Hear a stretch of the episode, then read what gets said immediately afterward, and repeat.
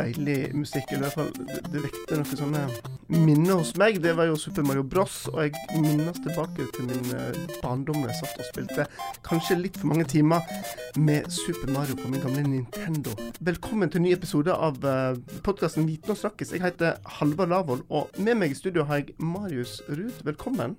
Takk skal du ha. Uh, kjenner du til den musikken vi nettopp hørte?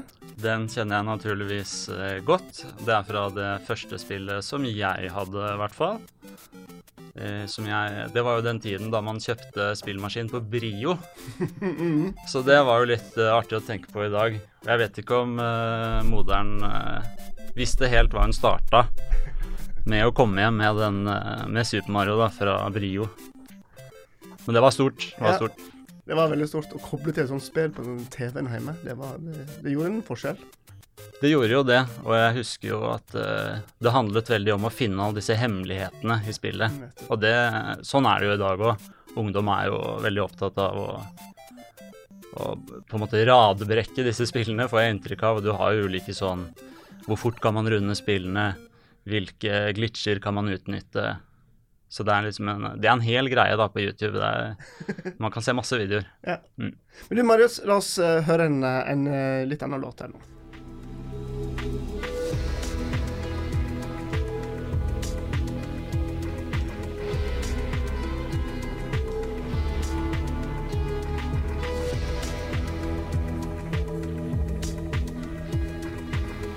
Hva, hva var det vi hørte nå? For dette her er ikke jeg så kjent med. Dette er jo fra noe litt eh, nyere. Det er musikk fra Fortnite. Og det vet vi jo at det er mange som spiller i dag. Det er jo blitt eh, stort. Det er vanskelig å si om den, kommer, den musikken kommer til å ha like stort nedslagsfelt. Eh, men det vet vi jo kanskje om 20 år, da, når eh, de dagens ungdommer sitter og lager podcast. Ja, sant? eh, Mario Strud, eh, som folk hører nå, skal vi snakke om, om litt om det vi da kaller gaming. Men du er jo utdanna barnevernpedagog her fra Oslo OsloMet. Hva i alle dager er sammenhengen mellom barnevernpedagog og gaming? Nei, det er jo Nå er jo utdanna barnevernpedagog, som du sier. Nyutdanna nå fra før sommeren, da. Og når folk spør meg hva jeg jobber med, så sier jeg jeg jobber med gaming. Og da er det jo spørsmålstegn. Det skjønner jeg godt. Mm. Hva svarer du da? Hvorfor?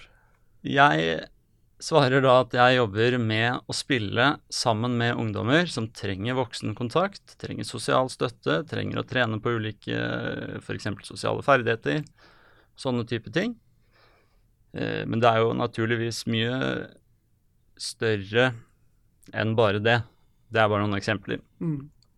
Men, men er ikke mulig for deg i rollen som, uh, som barnevernspedagog å hjelpe barn og ungdom uten å måtte sitte og bare bruke all tiden din på å spille? Gamingkontakten, som er jo da dette firmaet som jeg har startet, sammen med to andre også eh, ferske barnevernpedagoger, som heter eh, Julie Øvrebø og Yasan Singh. Vi hadde et ønske om å nå inn til en gruppe ungdommer som det har manglet hjelp til, og det er de unge gamerne. Og det er klart at når jeg sier unge gamere, så er det nok veldig mange som vil tenke ulike ting. Yeah. I gamingkontakten så retter vi oss mot ungdommer i alderen 11 til 23 år som i svært liten grad deltar på andre arenaer enn den digitale. Så det er ikke de ungdommene som bare spiller lite grann. Det er de ungdommene som spiller mye. Eh, Og de har en del utfordringer knyttet til sosial tilbaketrekning og utenforskap. Så det er jo utenforskapen og den sosiale tilbaketrekningen som er på en måte det vi retter oss mot. Og så er gamingen mer middelet eller verktøyet vi bruker da til å nå inn til disse ungdommene.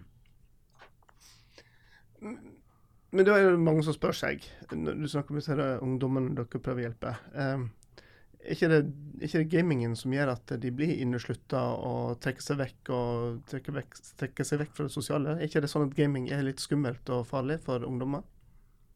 Det stemmer at det er mange som eh, mener det om gaming. Og der stiller nok vi oss litt i andre enden av skalaen. Når vi blir kjent med disse ungdommene gjennom gaming, så ser vi at de spiller mye, ja. Men utfordringen deres handler om veldig mye annet Og det er ofte det, eh, ofte det sosiale, men ikke alltid. At de spiller så mye, det er etter, vår, etter våre erfaringer mer en løsningsstrategi som blir brukt på vanskelige liv. Og disse ungdommene blir det ofte brukt en del stygge etiketter eh, på. Man har eh, dataspillavhengig, skolevegrer, behandlingsresistent, en del sterke ord og uttrykk. Samtidig så vet vi at det er vanskelig å si noe om årsak og virkning, om eh, hva som kom først av spillingen og utfordringene. Men vi, gjennom vårt arbeid, så ser jo vi at vi kan bruke spillingen til noe positivt. Vi kan delta på deres arena, og da får du en veldig sånn synliggjøring av at dette er på ungdommenes premisser. Og hvorfor vi opplever, at, det- vi opplever at det fungerer veldig godt å spille sammen disse ungdommene og at vi kommer veldig fort i posisjon, det handler nok om at dette er en arena hvor de allerede er trygge, og en arena hvor de allerede er gode. Og sånn er det jo med det meste her i livet. Bruker du mye tid på noe, så blir du god. Ikke sant? Disse ungdommene bruker mange timer på å spille, og de er knallgode. Ikke sant? Um, de er jo ofte bedre enn oss, og det er jo noe mange voksne opplever. at eh, hvis de prøver å spille selv, da, hvis de våger seg utpå der, så blir de jo ofte knust ikke sant, av disse ungdommene. Og det er jo en kjempestor styrke i, eh, når man skal hjelpe ungdommer. Å kunne holde frem at særlig disse ungdommene, da, som øh, kanskje ikke er så mye på fotballbanen eller øh, i speideren eller i skibakken, men bare 'du er god', ass. Mm. Og det er jo klart at i gaming så øh, Det finnes jo veldig mange spill, og veldig mange ulike sjangre. Og man kommer i veldig mange ulike situasjoner. Og de situasjonene krever ferdigheter som man også har bruk for i virkelige sosiale setninger. Mm. Sånn som eh, strategi, eh, kunne gi konstruktive tilbakemeldinger til andre, kreativitet. Eh, turtaging. Turtaging er jo en veldig kjent greie i spill. Yeah. Ikke sant? Og det kunne avgrense seg, avgrense seg selv. Eh, Og alle disse tingene kan vi holde fram hos disse ungdommene som de kanskje ikke får vist på andre arenaer. For disse ungdommene er på en måte ikke på fotballbanen, de er ikke i skibakken. Men de er i spillene, og de er på fremmede planeter og i, i Call of Duty og GTA og alle disse berykta spillene, da. Ja. Men når du sier at dere møter dem på, på deres arena, betyr det at dere, dere tre som i gamingkontakten, sitter og spiller sammen med dem, eller sitter dere bare i samme rom og observerer de spillet? spille? Ja, ikke sant? For nå har jo jeg, nå har jeg bare satt i gang å prate, for jeg blir så gira av å snakke om disse ungdommene, uten at uh, lytteren nødvendigvis vet uh, hvordan vi jobber, og det er jo litt viktig. Mm. Vi er jo da et hjelpetilbud som offentlige hjelpetjenester kan benytte seg av. Og måten vi jobber på Vi har jo da dette hjelpe- støttetiltaket som vi kaller for gamingkontakt. Og helt konkret så jobber en gamingkontakt med å spille sammen med barn. Det betyr at jeg logger på i spillet hjemme hos meg, så logger ungdommen på i spillet hjemme hos seg. Og så spiller vi sammen over nett mens vi snakker sammen over mikrofon. Ja. Og hva snakker dere om da? Da snakker vi selvfølgelig masse om spill og alt som foregår i spill, for det krever en del kommunikasjon. Men vi snakker også om helt andre ting. Sånn er det når man driver med aktiviteter. Man eh, snakker om det du driver med, og så snakker du om alt og ingenting. Mm. F.eks. en ungdom som jeg spiller med. Han eh, fortalte meg at han han, er, han elsker parmesan, fortalte meg her om dagen. Og plutselig, Det er jo et sånt lite drypp ikke sant, som kommer. Å, han er interessert i mat.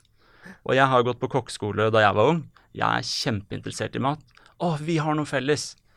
Så begynner vi å snakke om det, ikke sant. Og de situasjonene er det mange voksne som strever med å komme i med disse barna, for de er ikke der når barna velger å åpne seg om alle disse andre tingene.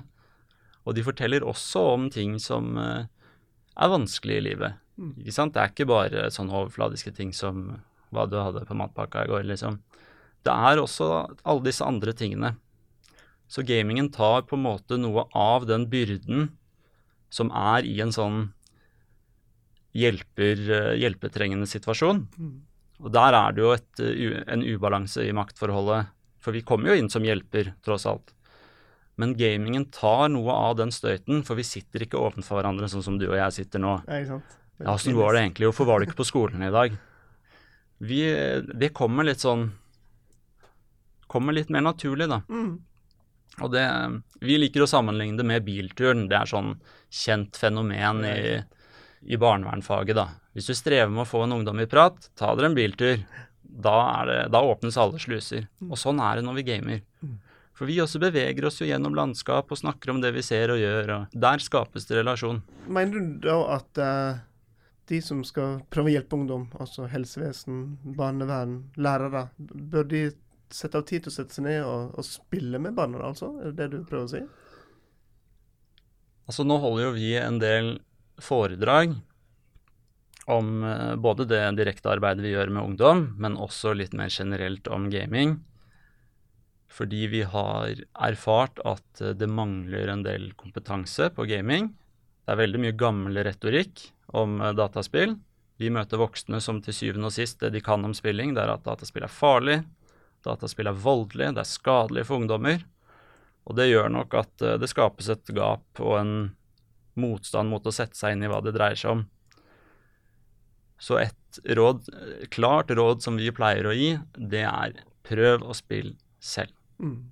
Og da er det nok mange voksne som vil møte at å, er, da stiger angsten, ikke sant. Vans å, herregud, jeg må eh, De klarer ikke å trykke på knappene og Vi møter voksne som ikke klarer å skru på PlayStation 4. Det er to knapper. Det er to knapper. Altså denne mm, barne- og medieundersøkelsen som eh, Medietilsynet har, de gjorde en undersøkelse som viste at 96% av gutter og 63% av jenter i alderen eh, 9 til 18 år, de spiller spill. Det betyr jo at det er veldig utbredt, og det betyr også at gaming er kommet for å bli. Og personlig så opplever jeg at eh, det i veldig mange år har vært det samme synet på gaming, men uh, vi merker også at det er en liten endring akkurat nå. Særlig kanskje i følge med denne NRK-artikkelen om han Mats. Uh, Mats Iblin, var det vel han het. Den, uh, den har vært viktig. Den hører vi mye om. Mm. Så prøv å spille selv. Våg å sette deg i den posisjonen at du er liksom amatøren i, på denne arenaen. Det Jeg gjør det hele tiden. Og så bare Å, du er god, ass. Ja. Ikke sant? Tenk deg bare det å høre det, istedenfor å høre hvor mange timer spiller du, da? Det er det mange voksne som har stilt. Det spørsmålet. Kjenn meg igjen. Hvorfor spiller du så mye? Ja, ikke sant? Hvorfor spiller du så mye? Eh, men det er viktig at det ikke blir sånne Som med mange andre ting, så er det lett at dette blir en sånn polarisert greie. Vi ønsker ikke å stille oss helt i andre enden. Vi skal ikke være naive. Ingen barn har godt av å spille spill døgnet rundt. Ingen, har godt av, ingen mennesker har godt av å være i treningsstudio heller. Men vi kan ikke starte, eller eh, kan og kan, Gamingen er et veldig fint sted å starte, nettopp fordi ungdommene allerede er trygge. Og det gjør jo at hvis vi kan bygge en grunnmur der, med relasjon gjennom gamingen, så gjør det arbeidet lettere på sikt også. Mm. I tillegg til at gaming har egenverdi. Det, I denne podcasten kommer jeg til å snakke mye om den instrumentelle verdien ved gaming. Det er viktig å understreke at gaming har eh, egenverdi. At eh, det er en hobby og en fritidsinteresse på lik linje med andre fritidsinteresser. Mm. Selv om voksne ikke er vant til å tenke sånn. Mm. Men du, litt tilbake til et eksempel du hadde i stad med en ungdom med skolevegring. Som du sier, sette ned, spille sammen, møte på eh, ungdommens arena. Noen spill, og så finner du noen sånne små øyeblikk du kan gå inn på andre tema. Men, men målet for en som jobber i, i helsevesenet eller støtteapparatet, er jo å få det, den ungen tilbake på skolebenken på et eller annet vis. Hvordan, eh, hvordan går du videre etter at du har opp, oppretta kontakt og, og, og møtt vedkommende på det, dens arena? Baby steps, baby steps. eh, mange ungdommer, i hvert fall som vi hører om, og mange som tar kontakt med oss, der har situasjonene gått veldig langt. Eh, og vi skulle gjerne vært mer forebyggende inne eh, i det arbeidet. Det vil naturligvis være individuelt eh, for hvert barn. Jeg kan ikke si at én ting funker på alle barn. Det vi er opptatt av i gamingkontakten, er at vi kan gjøre vårt på gamingarenaen, og etablere en relasjon, men vi er nødt til å få, hvis vi skal få den ungdommen tilbake til skolen, det er et samarbeid mellom oss og de andre voksne rundt. Så vi er opptatt av at vi kan være med på nettverksmøter, eh, samarbeidsmøter med andre etater og instanser. Mm. Men vi erfarer også at, at vi kan komme inn og si noe positivt om de ungdommene og det de driver med. Det åpner opp for en helt eh, annen måte å se på de barna, også for de andre voksne. Så vi jobber jo todelt. ikke sant? Vi jobber både direkte med barna, men også med de voksne. Jeg spiller jo sammen med en ungdom. Han er kjempegod i eh, mange spill, men han er f.eks. veldig god i et spill som heter World of Warships. Og det er et spill som eh, Det er et eh, massively multiplayer online-spill, hvor du spiller da som ulike slagskip eh, som du fører ut for å senke flåten til det andre laget. Og de skipene de er mer eller mindre historisk korrekte. Og du kan lese en del om de skipene i spillet. Men du kan ikke lese alt, og det er bare å spørre denne ungdommen om noe som har med, øh, som har med disse skipene å gjøre. Da kommer du på inn- og utpust. Om kanonstillinger, ammunisjonsbruk, pansertykkelse på skipet, kjente slag det har vært i, fordelen med å bruke det skipet eh, i møte med andre ulike typer skip. Han leser masse ved siden av. Og du kan velge en del skip i det spillet, men han leser masse ved siden av, både fordi han er eh, Både for å prestere bedre i spillet, men han er jo åpenbart interessert i det. Tenk for et fantastisk utgangspunkt for en historieøkt, en eh, skriveoppgave. Tenk om en lærer da, visste disse tingene. Det er jo en helt annen ting enn liksom Nå skal du gjøre kommer jeg ikke på noe veldig bra eksempel i farta, men det er et ganske annet utgangspunkt tror jeg. Og derfor er det viktig at vi møter disse andre voksne. Mm. Men også selvfølgelig, for de ser jo ting på sin arena som vi kunne dra nytte av i vårt arbeid. Mm, mm. Veldig interessant.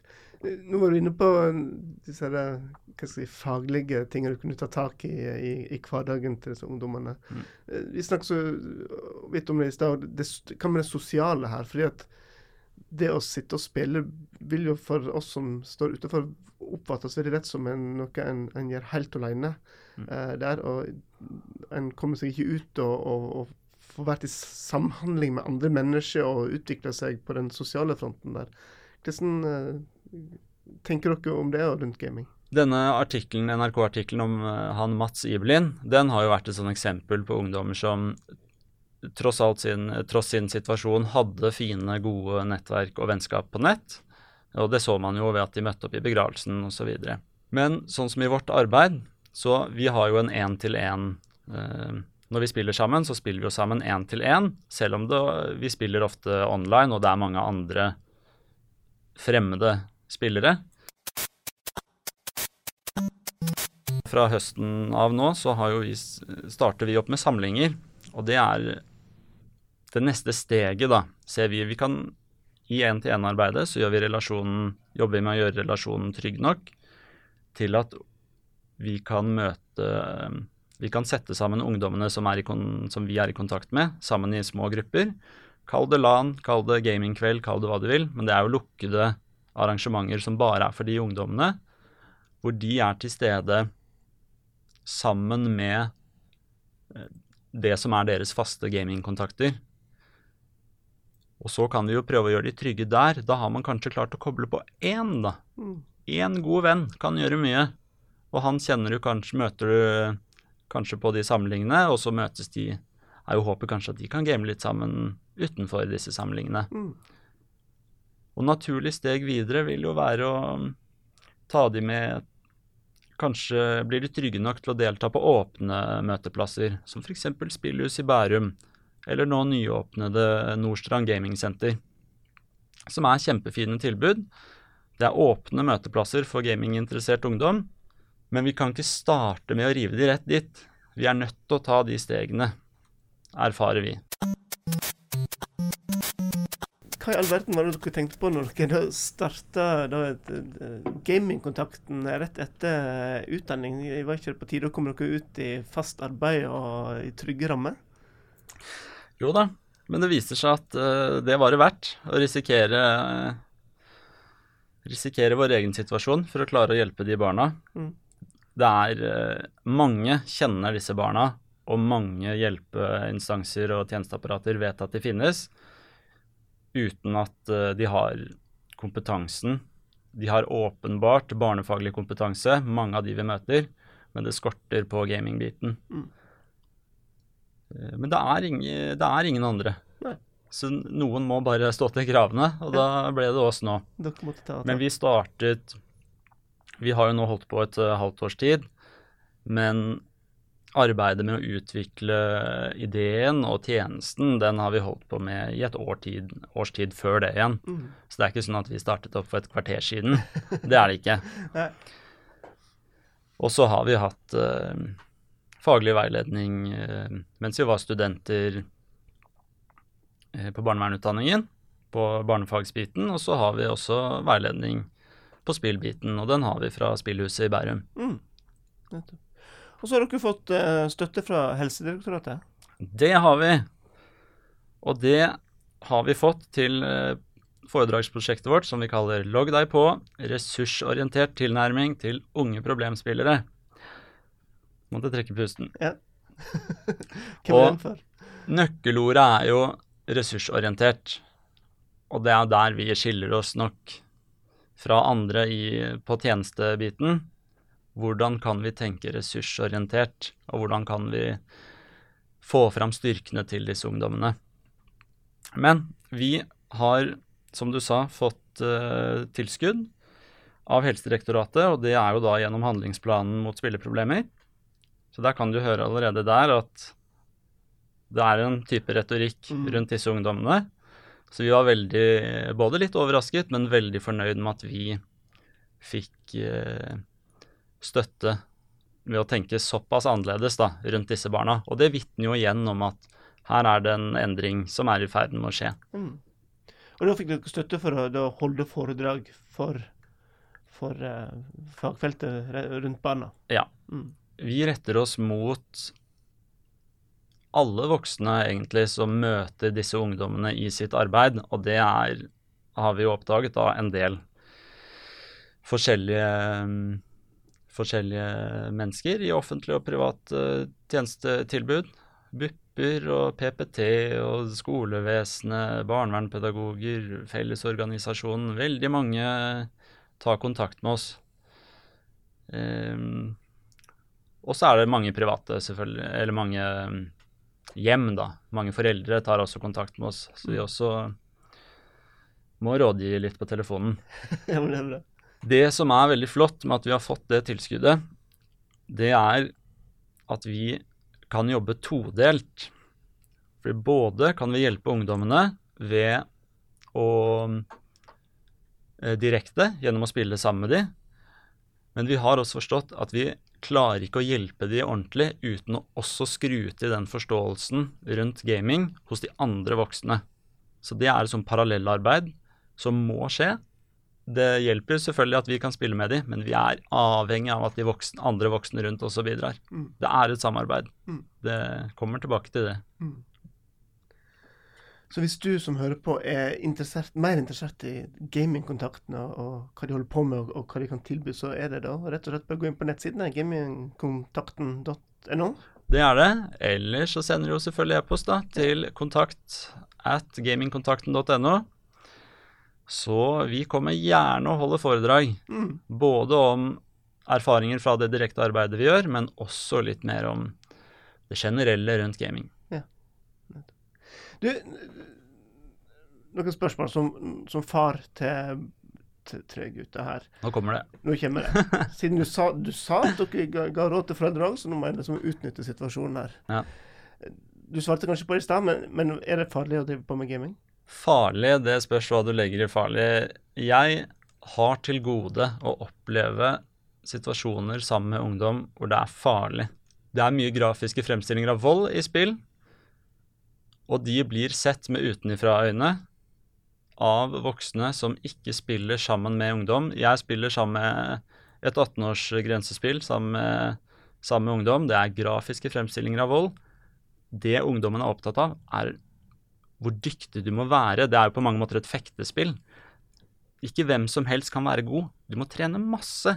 Og han er eh, Jeg har lyst til å si en mester, men det handler ofte om helt andre ting enn bare det å meie ned folk. Det handler om skillsa du må ha. Mm. Det handler om Det er fælt å si bedre enn andre, men eh, det er et spørsmål om ferdigheter. Mm. Men vi voksne vi har en tendens til å se å ja, nå skal han bare plaffe ned de folka igjen. Prøv sjæl. Skal prøve sjøl. Et annet spørsmål som jeg tror mange foreldre sitter og, lurer på der ute, er Hvor mange timer er greit? Nettopp. Takk Ja. skal du ha. Du er Oh yes! Ja. Hvor mange timer skal jeg la barna mine få sitte og spille? Når skal jeg si stopp? Så mange timer som skal til for å bli god. Nei da. Det er veldig flåste sagt. Um, det er ikke uten grunn til at det er mye bekymring knyttet til disse spørsmålene. Og den eh, bekymringen må vi, den må vi romme. Men det er veldig vanskelig å gi et fasitsvar på hvor mange timer som, som er OK. Og det vil jo selvfølgelig variere ut fra alder, andre, andre ting. Jeg spilte Skal vi se, i dag er det Ja, jeg spilte fire-fem timer i går. Men jeg har tre jobber, og jeg sitter nå her i dag. Ja. Så det er, på det er ikke Det ser du jo f.eks. på disse rådene på Snakk om spill, f.eks. Tid brukt på spill er ikke nødvendigvis angiv, angivende for om det er et problem. Men det er klart, hvis det går utover andre ting, så eh, Skole, eh, andre sosiale ting, så slutter på en måte gaming å ha være så akseptert, da. Mm. Det man også kan si da, som kommer innenfor det temaet, er at mange ungdommer de møter begrensning og trekk ut av internett osv. uten at det egentlig er lagt til rette for eh, spilltider til andre, til andre tider av døgnet. da. Mm. Og da er det jo litt sånn ja, ok, vi møter noen ungdommer som ja, de spiller på natta, men så har de egentlig ikke noe alternativ til andre tider å spille på. De spiller når de kan, på en måte.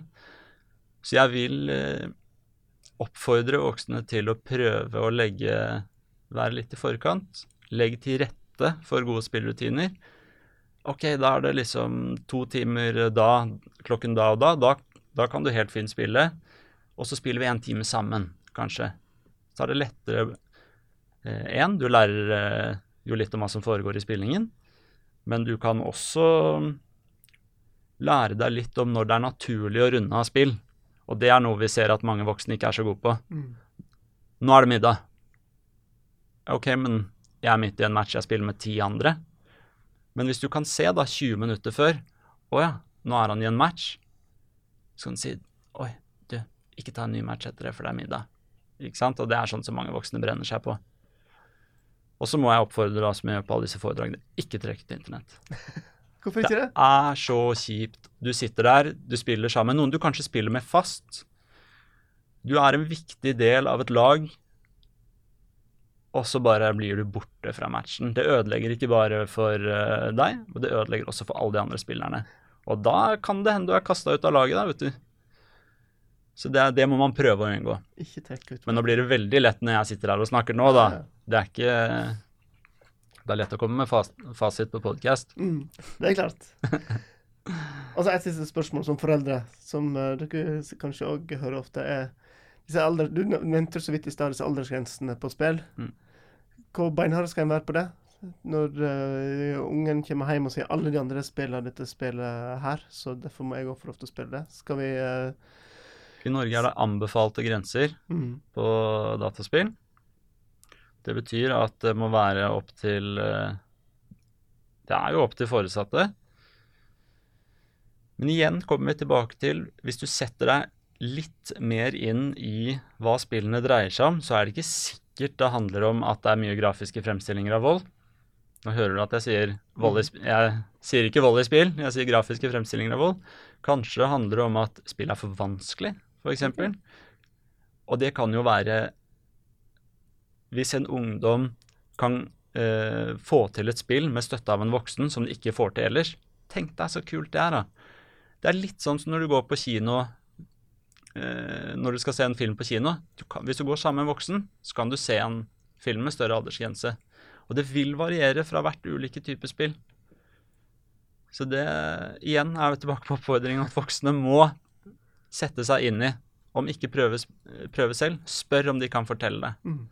Det er eh, Jeg kommer langt med det. Sånn som med Roblox. Jeg vet ikke om du kjenner til Roblox? Nei. Ikke jeg heller. uh, men jeg møtte en uh, barneskoleelev. Jeg jobber jo på skole ved siden av. Så uh, snakket han om Roblox, da. Så sier jeg 'fortell meg om Roblox'. Bla, bla, bla, bla, bla, bla, bla, bla, bla. Ikke sant? I en halvtime, ass. Så nå kan jeg litt om Roblox. Ja, ikke sant? Ja. Og det Mange av de ungdommene vi møter, de er helt utsultet på å bli spurt om det de er interessert i. Og det, det kan holde med ett spørsmål. Hva spiller du?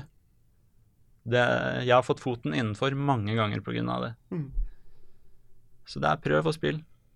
Spør om spill. Du, eh, Magnus, helt til slutt, eh, kan ikke du fortelle meg om en, en, en gamingopplevelse du har hatt med disse ungdommene du eh, jobber med? Det kan jeg. Den er eh, litt sammensatt. For det er jo også sånn at vi i tillegg Vi møter jo disse ungdommene digitalt, men en gang i måneden så møter vi de til, et fysisk møte, eller analogt møte, da, som vi eh, litt flåste pleier å si. Og da da møtes vi en mer sånn Det kan nok ligne mer en tradisjonell støttekontakt. Da gjør vi eh, vanlige aktiviteter, om det er å spise middag hjemme eller gå på kino eller For vi ser at det er viktig at vi møtes til litt blandede Det kan være greit å se hverandre i øynene og sånne ting òg, ikke sant? Men en ungdom jeg spiller med, han er veldig Han er veldig glad i å fiske i spill. Hvis det er et spill eh, med fiskemekanikk, da skal det fiskes, og han er liksom dødsgod som regel i det. Og jeg har jo alltid tenkt når vi fisker i disse spillene, så trener vi på konkrete situasjonen. Stå og fiske, ikke få fisk, og prate om skit. For det er jo det man gjør når man ikke får fisk. Man må stå og prate, ikke sant? Og at en dag kanskje vi kan bytte ut det med å fiske på ekte. Og at vi kommer dit en dag. Og tror du ikke Han stilte meg spørsmålet i dag. Marius, tror du vi kunne gått og fiska? Vi dro og fiska, vet du.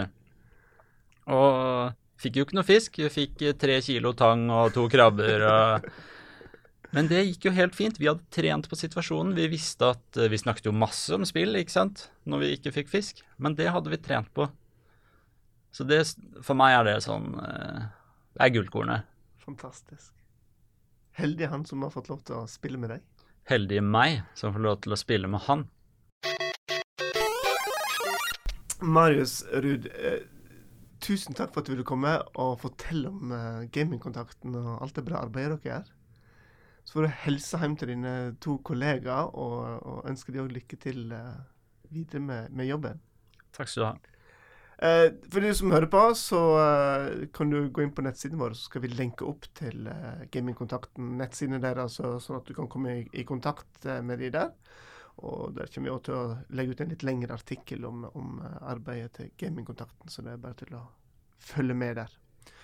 Og hvis du da har noe du lurer på innenfor temaet gaming og ungdom, eller du ønsker å få disse hyggelige folka på besøk for å fortelle mer og lære deg mer, så må du bare ta kontakt med Gamingkontakten. Veldig hyggelige folk som, eh, som kan mye som du nå har, nå har hørt. Og Da gjenstår det bare å si eh, tusen takk til dere som hørte. Husk å abonnere, for da får du neste episode automatisk rett ned i podkastappen din. Og så snakkes vi snart igjen med en ny episode. Ha det bra.